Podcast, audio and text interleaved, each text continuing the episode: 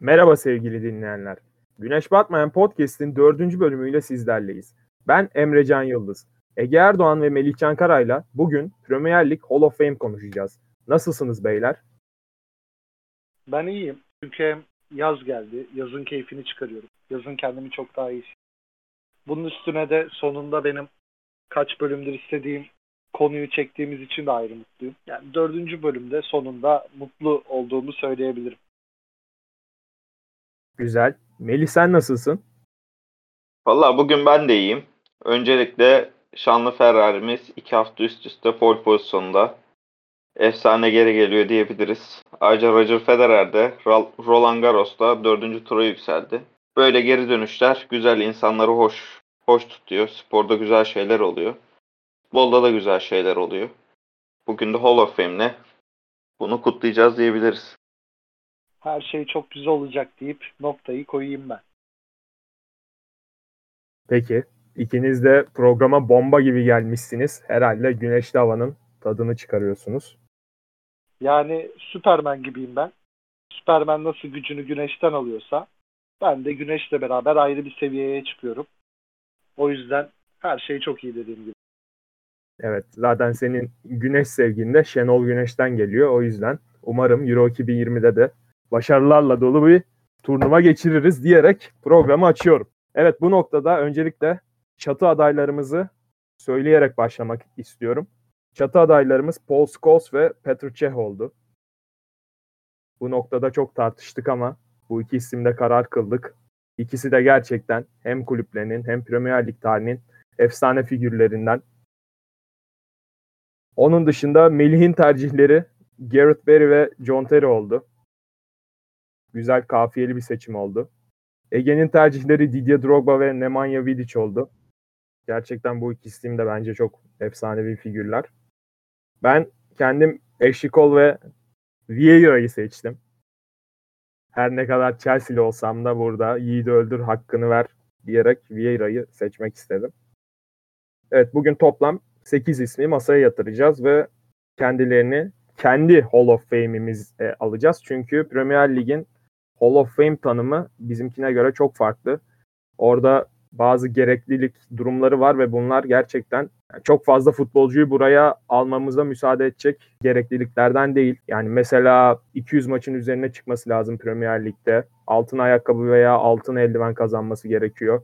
En az 3 tane Premier Lig e, zaferinin bulunması gerekiyor futbolcuların veya forvetin yüzden fazla golü, kalecinin de yüzden fazla clean sheet'i bulunması gerekiyor. O yüzden bunlar gerçekten zor. Yani çok fazla isimde bulunmayan özellikler.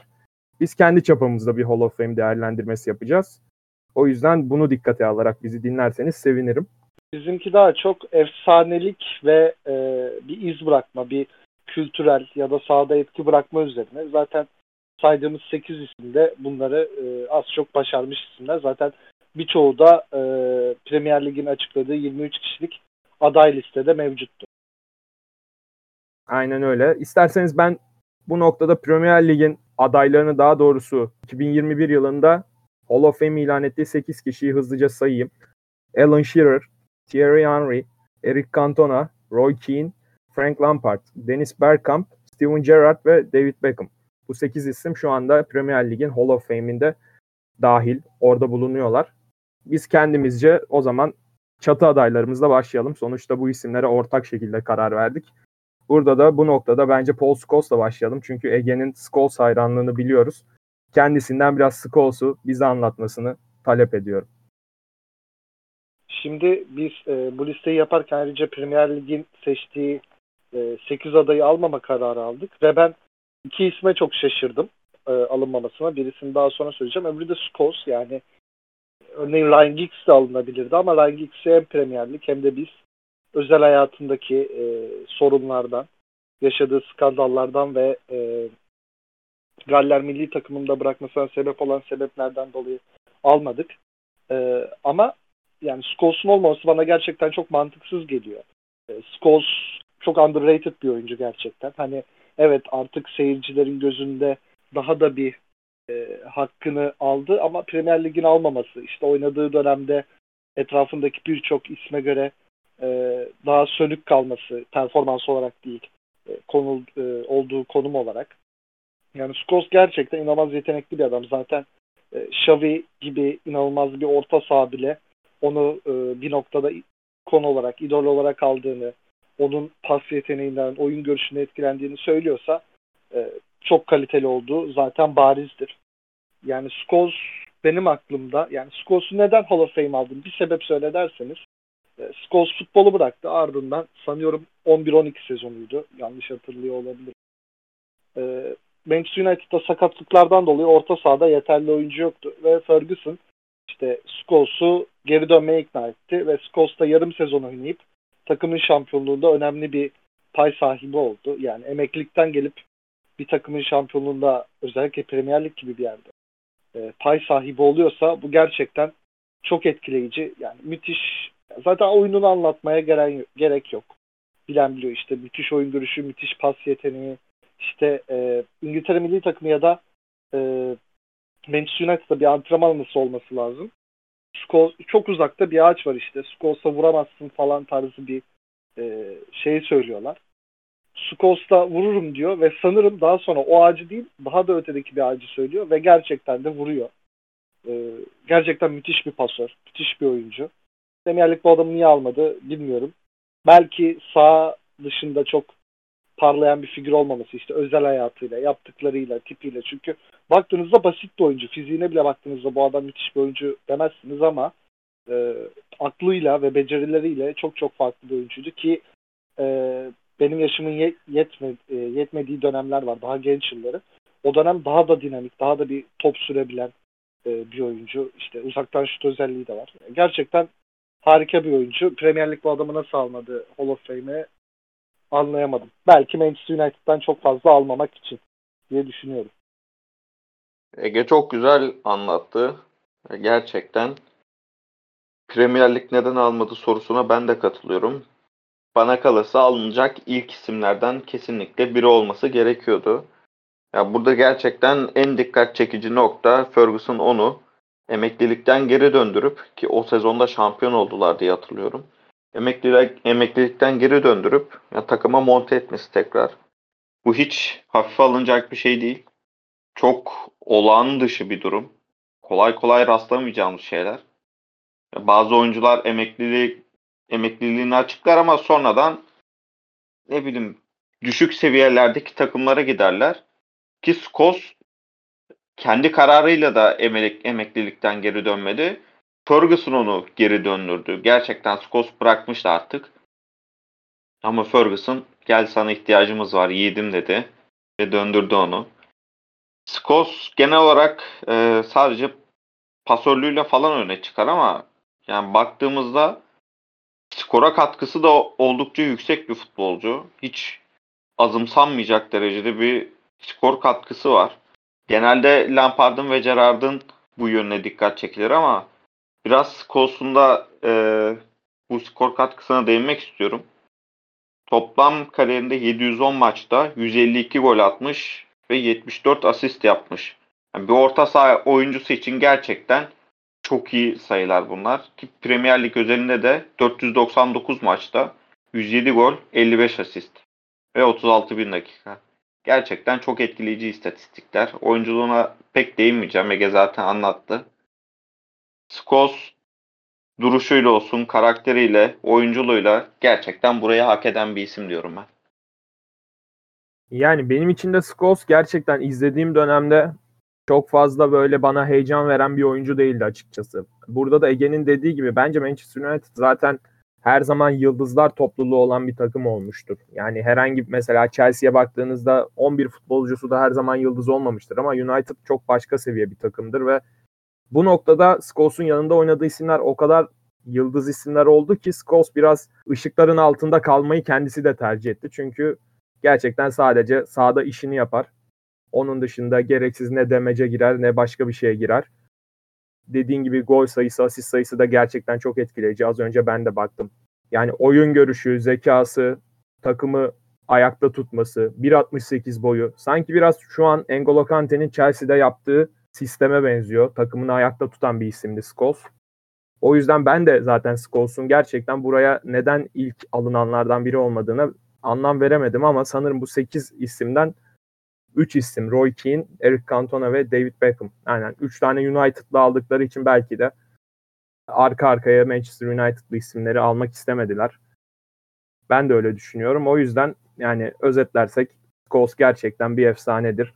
Hem United hem Premier Lig efsanesidir. Eğer onu bilmeyenler de açıp Scholes Highlights izlesinler diyerek diğer adayımıza geçelim. Diğer adayımız da Petr Cech oldu. Petr Cech tabii ki benim için özel bir anlam ifade ediyor. Chelsea'yi Chelsea yapan kalecidir. Ama bu noktada ben yine en son konuşmak istiyorum. Ege Cech hakkındaki düşüncelerini merak ediyorum. Yani Çeh için çok kısa keseceğim. Ee, Çeh gerçekten Mourinho'nun Drogba ile beraber Chelsea'deki dominasyonunu ve Chelsea'nin omurgasını değiştiren oyunculardan. Hani klasik vardır ya atanınla tutan iyi olacak.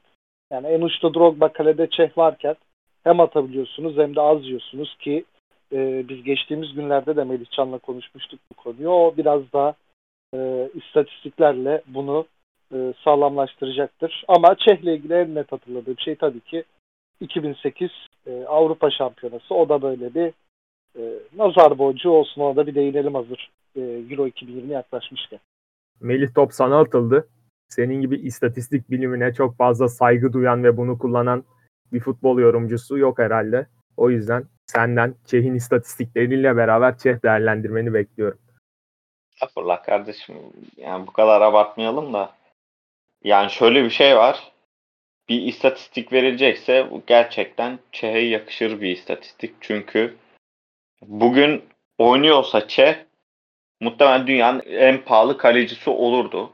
Olmaya aday birinci isim bence. Gerçekten Chelsea'de çok etkileyici performansları var. Yani toplam Chelsea kariyerine baktığımızda da kurtarış oranı %81'miş. %81 şu demek oluyor.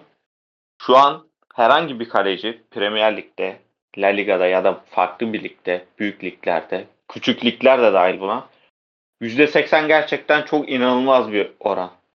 Gerçekten çok çok iyi bir rakam. Ve bunu yakalayan kalecilere buna yakın bile olsalar dünya paralar veriliyor ve değerli kaleciler olarak gösteriliyor. Bunu bütün bir Chelsea kariyerine yaymak çok olağanüstü bir durum. Bunun haricinde e, 2006-2007 sezonunda da %91 ile kurtarış oranı yakalamış. Ya bu demek oluyor ki kalesine gelen 100 şutun sadece 9'u gol olmuş. Bu akıl alır gibi bir şey değil. Yani gerçekten akıl alır gibi bir şey değil. Kalenize gelen 100 şutun sadece 9'unun gol olduğunu düşünün. Yani şampiyon olmamak elden değil zaten. Elden bile değil. Çok çok abartı bir istatistik bence. Zaten birazdan ben John Terry hakkında konuşurken de Petr Cech'le de birbirleriyle oynadıkları maçları göz önüne aldığımızda ne kadar büyük bir ikili diğer e, stoper tandemiyle birlikte ne kadar büyük üçlüler olduğunu da bahsedeceğim. Çeh'e dair demek istediğim daha fazla bir şey yok. Gerçekten çok harika bir kaleci. Yani Çeh tabii ki de sizin için de bir efsane, benim için çok ayrı bir efsane. Yani Chelsea'yi Chelsea yapan değerlerden biri o oldu. 22 yaşında Fransa Ligi'nden Rennes'den geldi. Kimsenin tanımadığı bir kaleci. Ama Chelsea kalesine geçtiğinden beri adeta kalede bir dev bir figür oldu ve 2006'da yaşadığı o talihsiz sakatlığa rağmen yine de orada kalmasını bildi. Hiçbir zaman oyundan düşmedi. Formsuz olduğu dönemde bile yine arkasında bekleyen kalecilerden formu daha iyi seviyede olduğu için hep kaleyi korudu. Zaten tam bir kupa canavarı, kupa koleksiyoncusu. Yani dört kere Chelsea ile şampiyon oldu. Bir Şampiyonlar Ligi şampiyonluğu var. Beş FA Cup'ı var. Biri bunların Arsenal'la beraber. Üç Carling Kupası. Bir UEFA Avrupa Ligi. Altı tane de Community Shield'ı var. Bunların dördü Chelsea, iki tanesi Arsenal'la beraber. Yani Arsenal'a gittiğinde bile Arsenal zaten evet çok tepe taklak düşmüş bir takım. Ona rağmen yine bir kupa kazanmasını bildi. Burada sana gönderme yapıyorum Melih. Arsenal bile kupa kazanabiliyorken Tottenham bu kadar. Nasıl kupa kazanamaz merak ediyorum. Oralara girme kanayan yaramız. Kanayan yaramız. Daniel Levy yine bu aralar şov yapıyor teknik direktör seçiminde de. Ama girmeyeceğim buralara. Bunlar önümüzdeki programlarda elbet konuşulacak şeyler. E, teknik direktör seçimleri, transferler. Ama Çeh'i daha fazla bence de tartışmaya gerek yok. Yani Çeh gerçekten genç yaşında geldi Chelsea'ye ve şu an baktığımızda da 39 yaşında. Gerçekten hala bana göre genç. Yani çıkıp oynasa yeridir. O yüzden Çeh hem Premier Lig hem de Chelsea efsanesidir. Kalbimizde de kalacaktır diyerek çatı adaylarımızı bitirelim. Bu noktada Ege'nin tercihleriyle devam edelim. Ben Didier Drogba ile başlayayım. E, Drogba benim çok çok ısındığım bir futbolcu değildi. Sonralardan ısındım. Daha sonra emekli olduktan sonra Neden bilmiyorum. Sevmiyordum ama e, çok saygı duyulacak bir figür. Yani e, eğer ki Chelsea'nin yükselişi olduysa Mourinho döneminde bunda Drogba çok önemli figürlerden birisi ki e, Chelsea'nin ilk Şampiyonlar Ligi'ni almasında da çok büyük payı var kendisi. E, Bayern Münih'e attığı son dakika kafa golü gerçekten inanılmaz bir goldü. Yani Drogba'nın kariyer e, anı benim için o. Tabii ki bir sürü anı var. E, istatistiklere baktığımızda Chelsea'de toplam 141 maçta 157 gol. Yani her iki maçta bir gol yaklaşık. Ki Chelsea dönem dönem hem Mourinho döneminde hem başka dönemlerde daha defansif bir yapıya e, sahip olduğu dönemler de oldu. Ve bu noktada baktığınızda e, gol sayısı belli sezonlarda düşük kalabiliyordu. Çünkü takımın amacı hücumdan çok savunmayı sağlam almakta ama o daima takımın ileride bakıp bizim yani Chelsea tribünlerindeki pankartı söylemek yeterli. We have Drogba, they don't. Yani istediği kadar Chelsea savunma yapsın. Siz bir hatada e, Drogba'ya gol fırsatı verirsiniz o ve o da affetmez. Ya da bir hava topunda o uzun boyu ve inanılmaz fiziğiyle zıplayıp e, kafaya atabilir ki burada e, Galatasaray'la ilk forması Akisar deplasmanı. E, müthiş bir kafa golü atmıştı. İnanılmazdı.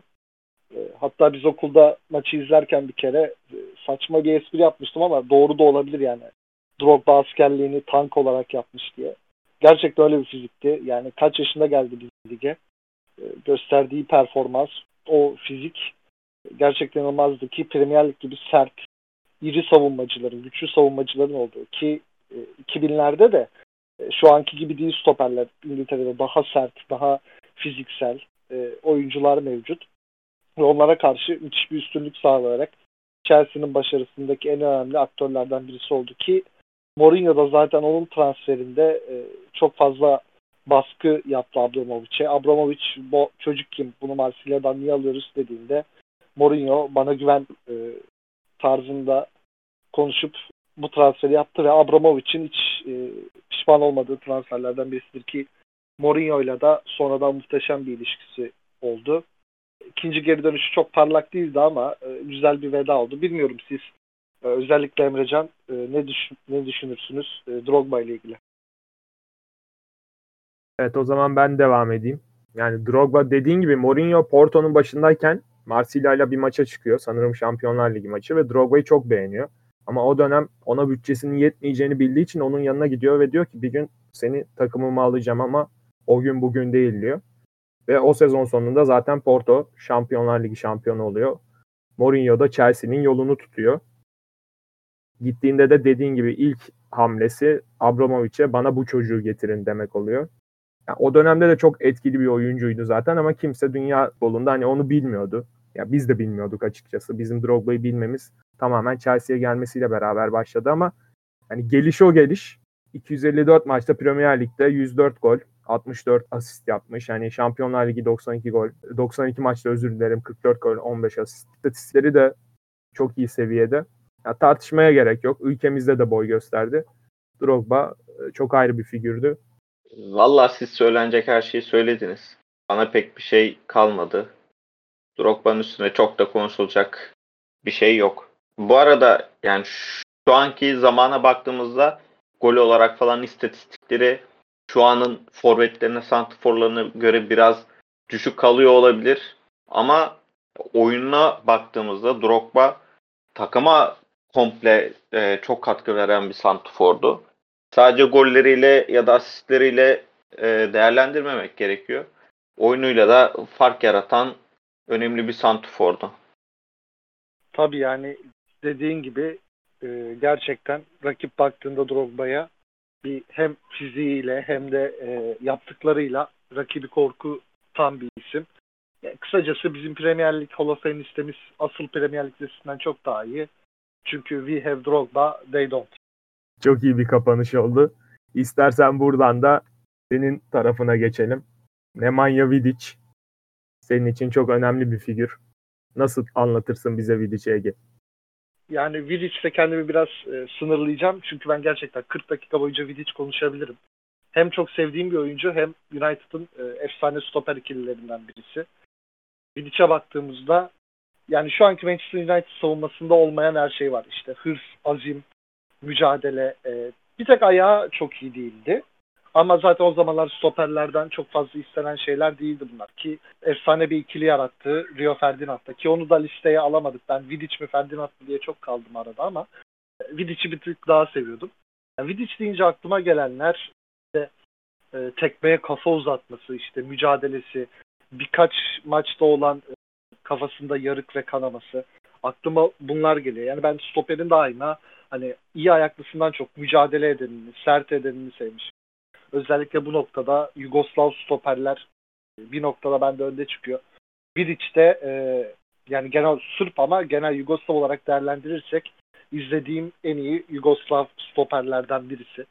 50 yaşındaki insan gibi konuştum Yugoslav, Yugoslavya diyerek ama e, yani onun dışında Manchester United'ın son parlak günlerinde e, öne çıkan isimdi. Ferguson'ın son e, iyi stoper itağı hatta Manchester United'ın son iyi stoper tandemlerinden birisiydi.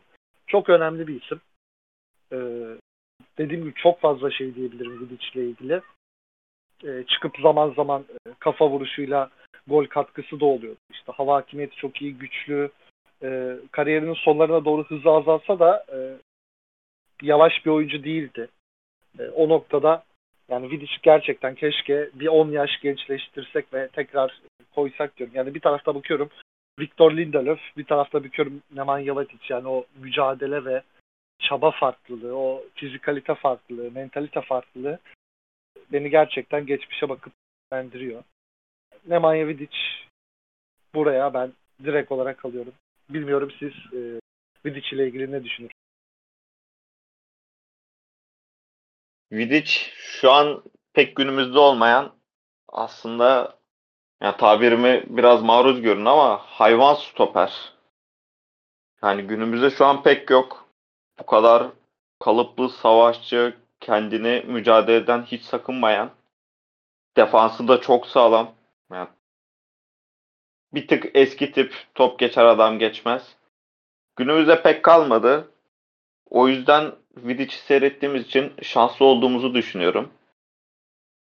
Büyük ihtimalle o, o e, türünde son örneği Chiellini. Onun da son yılları zaten sakatlık ve yaşın ilerlemesiyle e, o da sonlara yaklaştı. O tarz stoperleri ben çok özlüyorum açıkçası. Yani stoper. Adı üstünde stoper. Duran asker. Ayağı iyi falan olmasın. Duran asker olsun Volkan Demirel'in deyimiyle. Gerçekten bu esprinle programı farklı bir boyuta taşıdın. Diyecek bir şey bulamıyorum. 10 numara şaka. O kadar sağlam bir şaka ki bu şakaya granit şaka diyebilirsin. Yani taştan da öte. Çok daha sağlam bir şaka. Yani şov üstüne şov. Programın önüne geçiyorsun kardeşim. Seni bize biraz dizginlememiz gerekiyor. Lütfen programın önüne geçme. Beni bir seneye kaybedersin. İkiniz yaparsınız programı. Belli ki Ege'ye bazı transfer teklifleri şimdiden gelmeye başlamış ancak henüz kontratı devam ediyor. Bu yüzden Ege'ye teklif yapan bir podcast yayın grubu varsa öncelikle bizle iletişime geçerse seviniriz. Çünkü Ege bizim değerimiz. Her ne kadar soğuk espriler de yapsa onu seviyoruz. Ben de Vidic ile ilgili iki cümle kelam edeceğim. Ondan sonra devam edelim. Yani Premier Lig'e baktığınızda Premier Lig'in en önemli özelliklerinden biri nedir?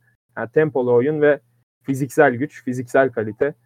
Vidic direkt olarak bunun tanımı. Yani evet tempo anlamında o, o kadar üst seviye bir oyuncu olmasa da tam bir winner'dı. Dediğiniz gibi top geçer adam geçmez. Tekmeye kafa atan winner bir stoperdi. Yani 211 maça çıkmış United'da 149 galibiyeti var. Daha ne diyeyim. Bence kupalarını da saymaya gerek yok. United'da sanırım 15 kupa kazanmış. O yüzden Vidic'i daha fazla tartışmaya da gerek yok. Buradan kendisine selam olsun diyerek Melih'in tercihleriyle devam edelim. Bu noktada ilk John Terry ile başlayalım. Melih John Terry'i bize nasıl hatırlatırsın? John Terry yani hakkında söylenecek çok şey var. Özellikle Petr Cech'ten de bahsettik. Çatı adayımızdı. Ben biraz e, Terry'nin tekil olarak ele alınmasındansa Çeh'le ve yanında diğer oynadığı stoperler, stoperlerle de e, ilgisinden bahsetmek istiyorum. Yani çok inanılmaz istatistikler var elimde. Biraz sizinle onları paylaşmak istiyorum.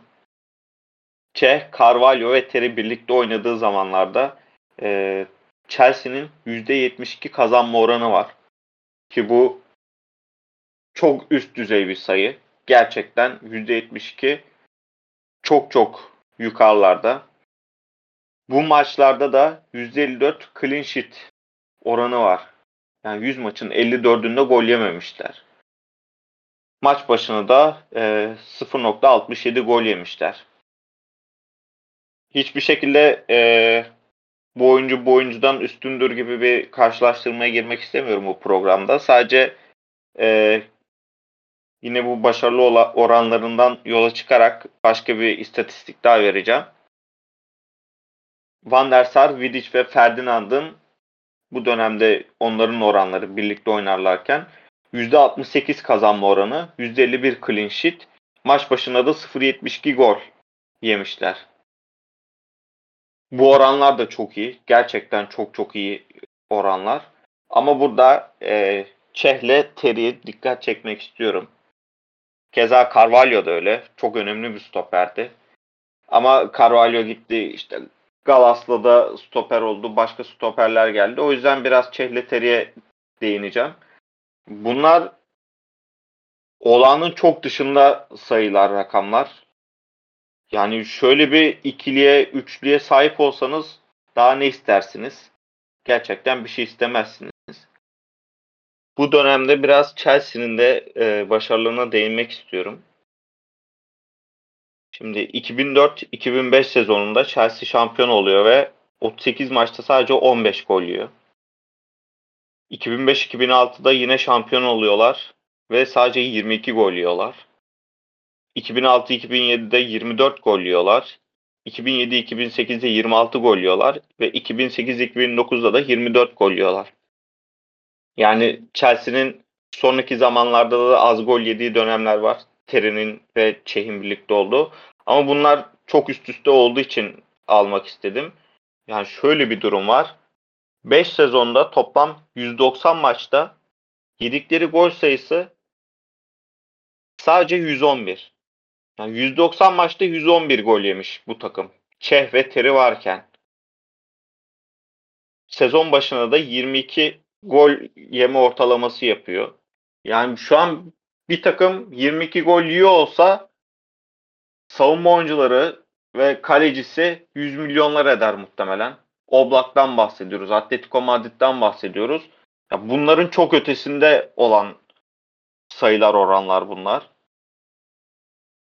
Terry'e yani istatistik istatistiki açıdan yaklaştım biraz ama yani ötesi de yok bunun. O yüzden biraz böyle oldu. Yine baktığımızda Terry daha eski tip stoperlere yakın. Daha durdurucu e, yine top geçer adam geçmez tarzına biraz daha yakın. Bir Vidic olmasa da ya bu özellikleri bakımından liderliği olsun, stoperdeki, defanstaki ve kaptanlığı olsun. Gerçekten çok inanılmaz bir oyuncu. Karakterine burada çok değinmek istemiyorum ama oyunculuğu benim için şu an paha biçilemez bir derecede. Evet Ege sen Terry hakkında ne söylemek istersin? Yani Melihcan oyunu daha çok istatistiklerden ve taktikten okumayı severken ben daha çok oyunu e, işleyişinden, yapısından ve karakterlerinden dolayı. John Terry'e baktığımızda sağ dışında kötü bir karakter. Bana inanmıyorsanız Wayne Bridge'e sorabilirsiniz neden kötü bir karakter olduğunu. Ama şöyle bir nokta var. Sağ içinde liderlik ve kaptanlık olarak bir numaralı isimlerden ki hem Mourinho'nun hem Chelsea'nin vazgeçilmezlerinden olduğu bu sebeple. Yani burada Hall of Fame aldığımız 3 Chelsea'li oyuncu ki bir kişi daha söyleyeceğiz. Drogba, Çeh ve Terry Chelsea'nin güçlü omurgasını oluşturdu. E, Terry defansif sağlamlığı sağlayan oyuncuydu. Yani mesela e, Chelsea'nin belli dönemlerde yaptığı transferlere bakarsak hem kanat hem hücum açısından işte Joe Cole belli bir dönem iyi oynadı sonra düştü. Quaresma bekleneni veremedi. Shevchenko. Aklıma bunlar geldi. Anelka iyi dönemleri oldu, kötü dönemleri de oldu ama baktığımızda Terry, Çeh, Drogba daima oradaydı ve Chelsea başarılıyken o sağlam iskeleti oluşturdu ki günümüzde de benzer bir şeyi söyleyebiliriz Chelsea için. Terry de bunun çok önemli bir parçasıydı. Ben kişi olarak da John Terry'i biraz severim. Sebebi ise Moskova'daki Şampiyonlar Ligi finali. Aklımda da böyle kalıyor benim. Ee, yani bir hatayla. Biraz yazık oldu ama sonrasında e, Bayern Münih'e karşı olan finalle kariyerine bir tane şampiyonluk, Şampiyonlar Ligi şampiyonluğu ekledi. Benim Terry ile ilgili söylemek istediklerim bu kadar. Büyük bir lider, büyük bir kaptan. Kısaca özetlemem gerekiyor. Evet ben de son olarak yani zaten futbol anlamında özelliklerini çok güzel şekilde e, tasvir ettin Melih. O yüzden ben o konuda bir şey söylemek istemiyorum. Ege'nin de söylediği gibi 2008'de penaltılarda ayağa kayarak United'a gitmesine neden olmuştu kupanın ama 2012'de finalde yer almadı ama tam bir lider. Yani takımına öyle destek oldu ki 2012'de Bayern Münih maçının çevrilmesine sağ dışından etkisi olmuştur. Bir liderlik özelliği de 2006'da Çeh'in işte kafasını direğe çarptığı maçta Chelsea'nin oyuncu değişiklik hakkı yoktu ve Kuducini de sakattı. Terry kaleye geçti ve o maçı gol yemeden tamamladı Chelsea. Bu gerçekten bir liderlik örneğidir, özelliğidir. John Terry'e de buradan selam olsun diyerek Garrett Barry'e geçmek istiyorum. Garrett Barry hakkında Melih ne demek istersin?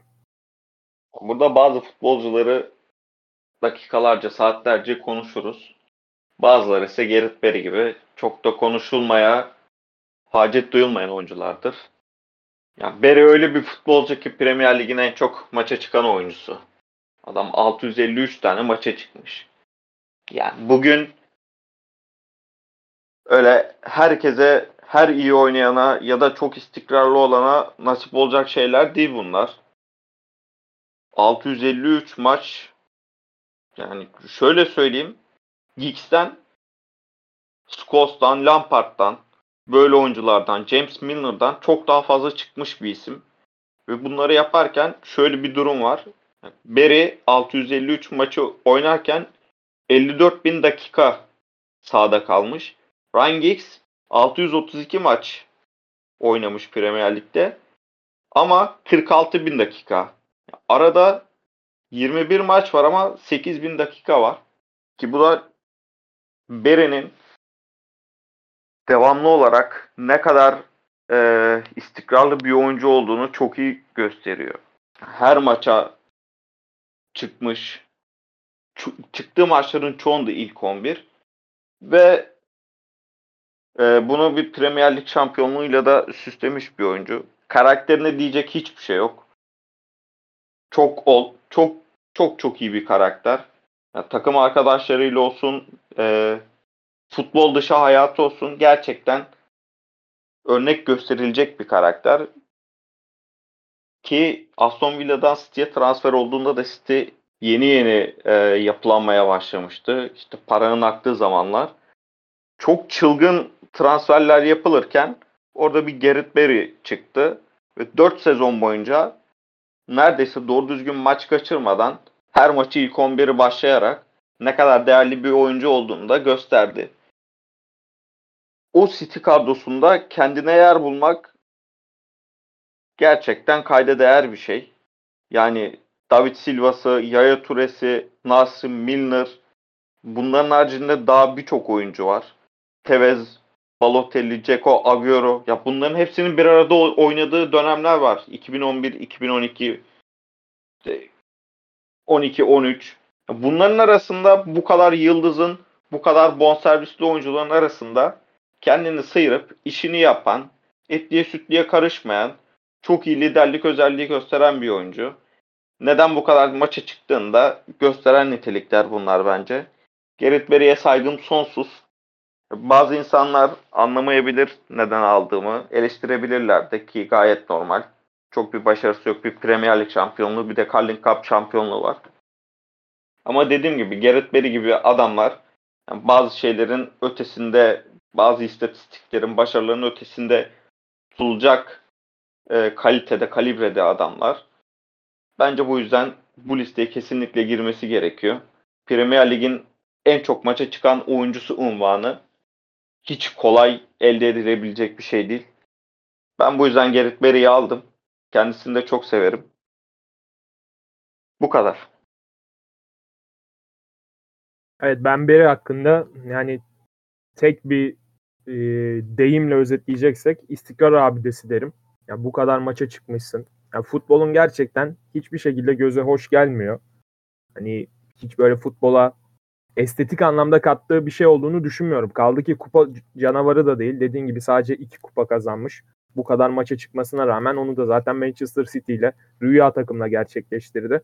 Ama ona rağmen dediğin gibi o kadronun arasından, o iyi futbolcunun arasından sıyrılıp bu kadar maça çıkabiliyorsan demek ki bir alameti farikan var ki hoca da bunu görüyor ve seni oynatıyor. O yüzden bence de Beri efsaneler arasındadır. Yani biraz efsanelerin alt tabakasında kalacaktır. Çünkü hiçbir zaman göze hoş gelen bir futbol veya dediğim gibi kupa koleksiyoncusu olmadı. Ama Beri'yi ben de saygıyla anıyorum. Kaldı ki zaten futbolu da yeni bıraktı. Yani düşünün.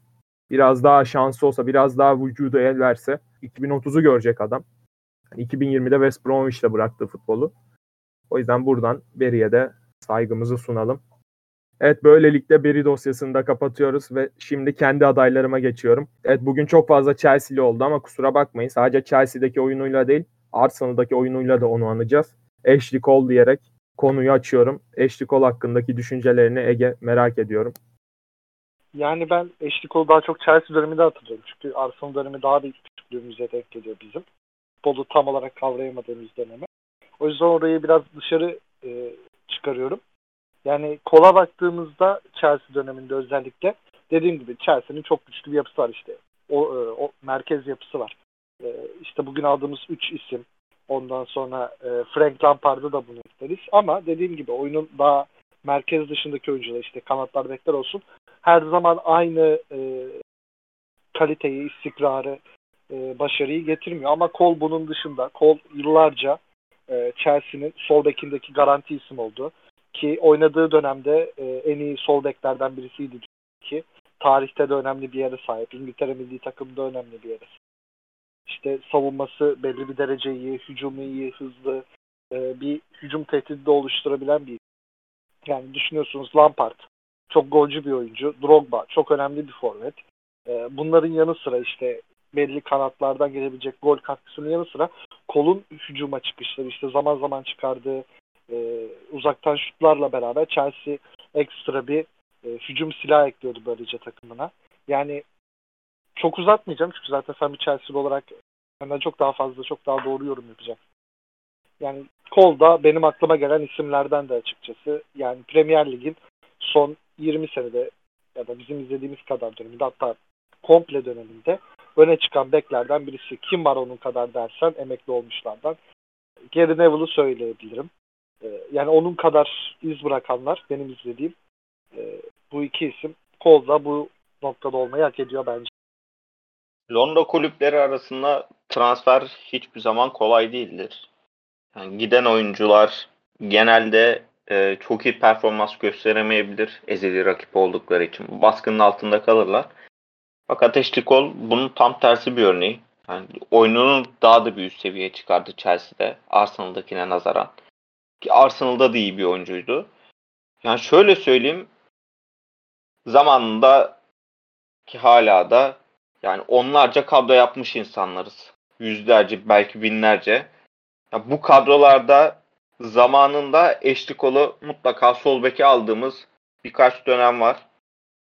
Bunun ne kadar büyük bir oyuncu olduğunun bence en büyük göstergesi. yani bizim kadromuza girmek e, kolay olan şeylerden değildi.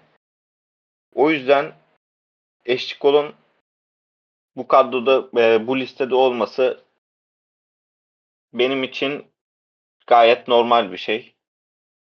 Premier Lig'in yani sıralasak 3-5 tane sol bek koysak en iyiler arasına Eşli kol mutlak, mutlaka girer.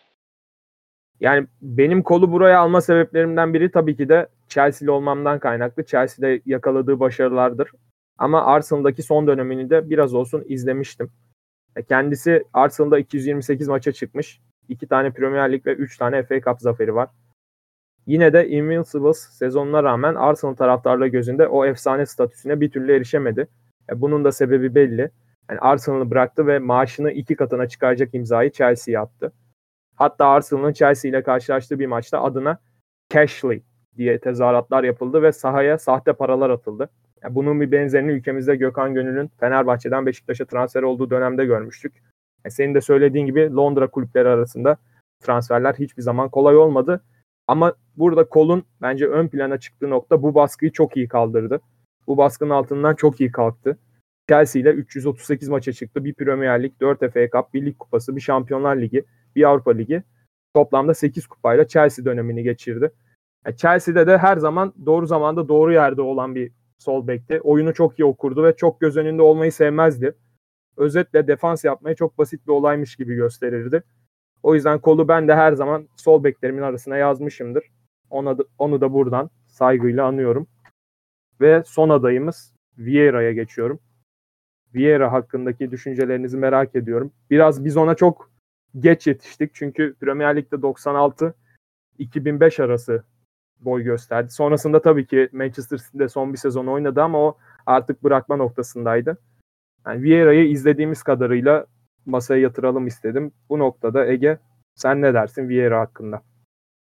Yani dediğin gibi biz Vieira'nın çok geç dönemine yetiştik. Yani hem Arsenal kariyerinin sonları hem de e, o zirvesinden uzak olduğu İtalya dönemine Juventus ve Inter Milan formasıyla e, dönemine yetiştik.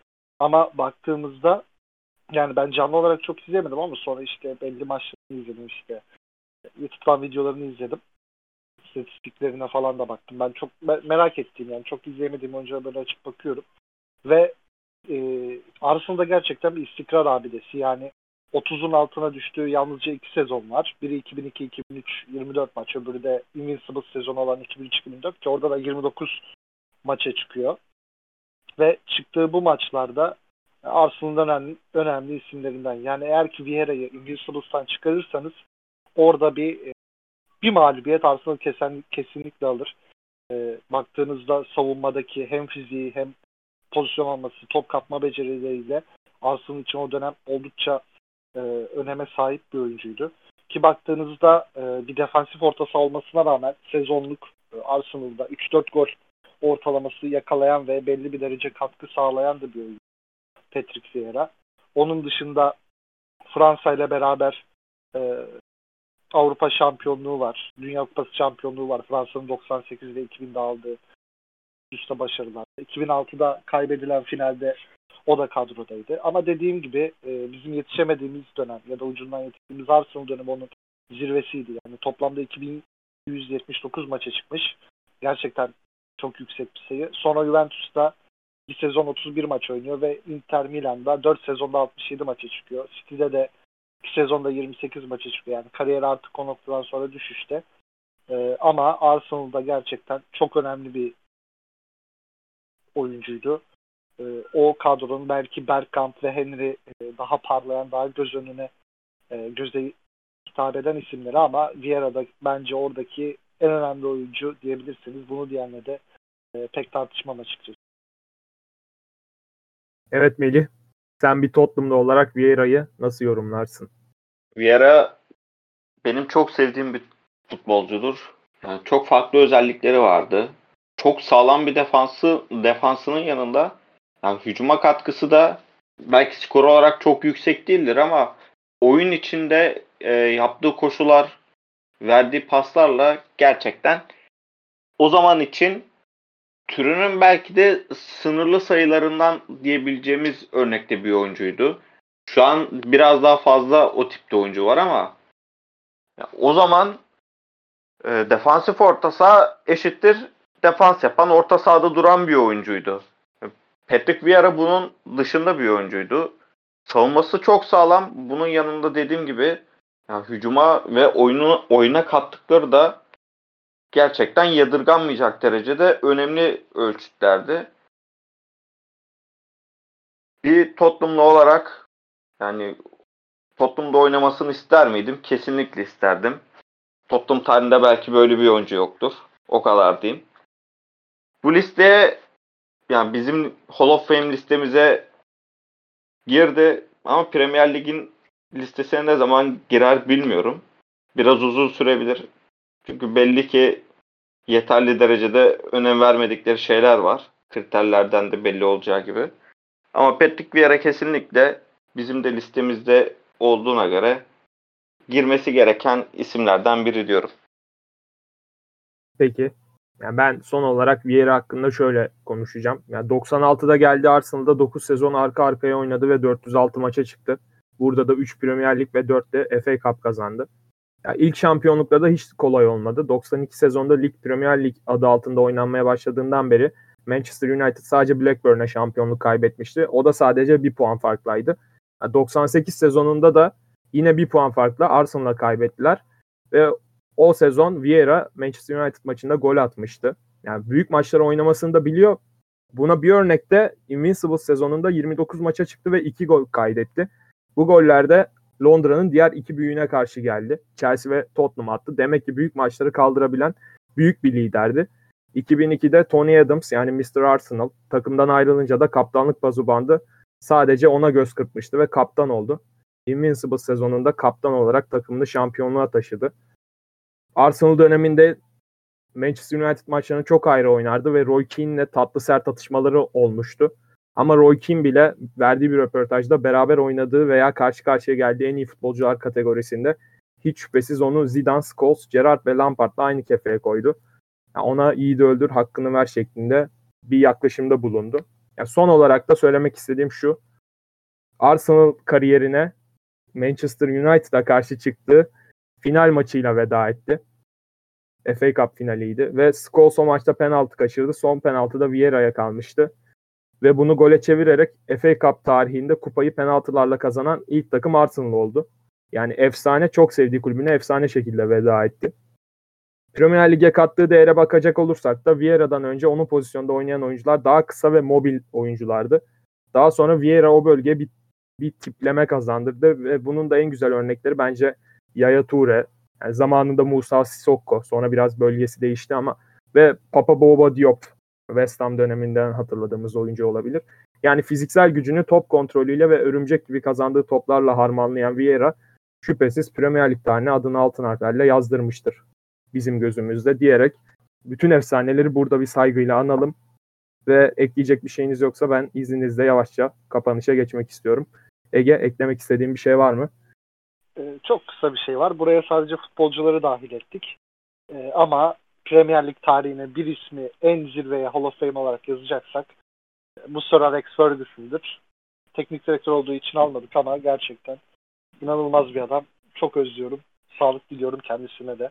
Bir, bir, bir iki sene önce bizi üzmüştü bir sağlık olayıyla ama şu an iyi gözüküyor. Ama Manchester United bu e, seviyede devam ederse onun da bir kalbine inecektir Allah. Evet Melih senin eklemek istediğin bir şey var mı? Kaliteli bir program olduğunu düşünüyorum. Farklı oyunculara, farklı dönemlere değindik. Kendi fikirlerimizi söyledik. Yani güzel bir program oldu. Böyle konular oldukça da bu, bu tarz programlar çekmeye devam edeceğiz. Takipte kalın. Ben son olarak şunu söylemek istiyorum. Belki biraz subjektif bir program oldu. Çok fazla Chelsea'li aldık bu listeye ama ben şahsen sadece Eşlikolu tercih ettim. John Terry, Didier Drogba her ikinizin tercihleriydi. Petr Cech de çatı adayımızdı. O yüzden dinleyicilerimiz kusura bakmasın ben yanlı bir moderatör olmak istemezdim ama bugün biraz öyle oldu diyerek programı yavaşça kapatmak istiyorum. Evet sevgili dinleyenler, Güneş Batmayan Podcast'in dördüncü bölümüyle sizlerleydik. Dünyanın en iyi liginin üzerinde hiç güneş batmaması dileğiyle. Kendinize iyi bakın, futbolla kalın. Hoşçakalın. Farewell.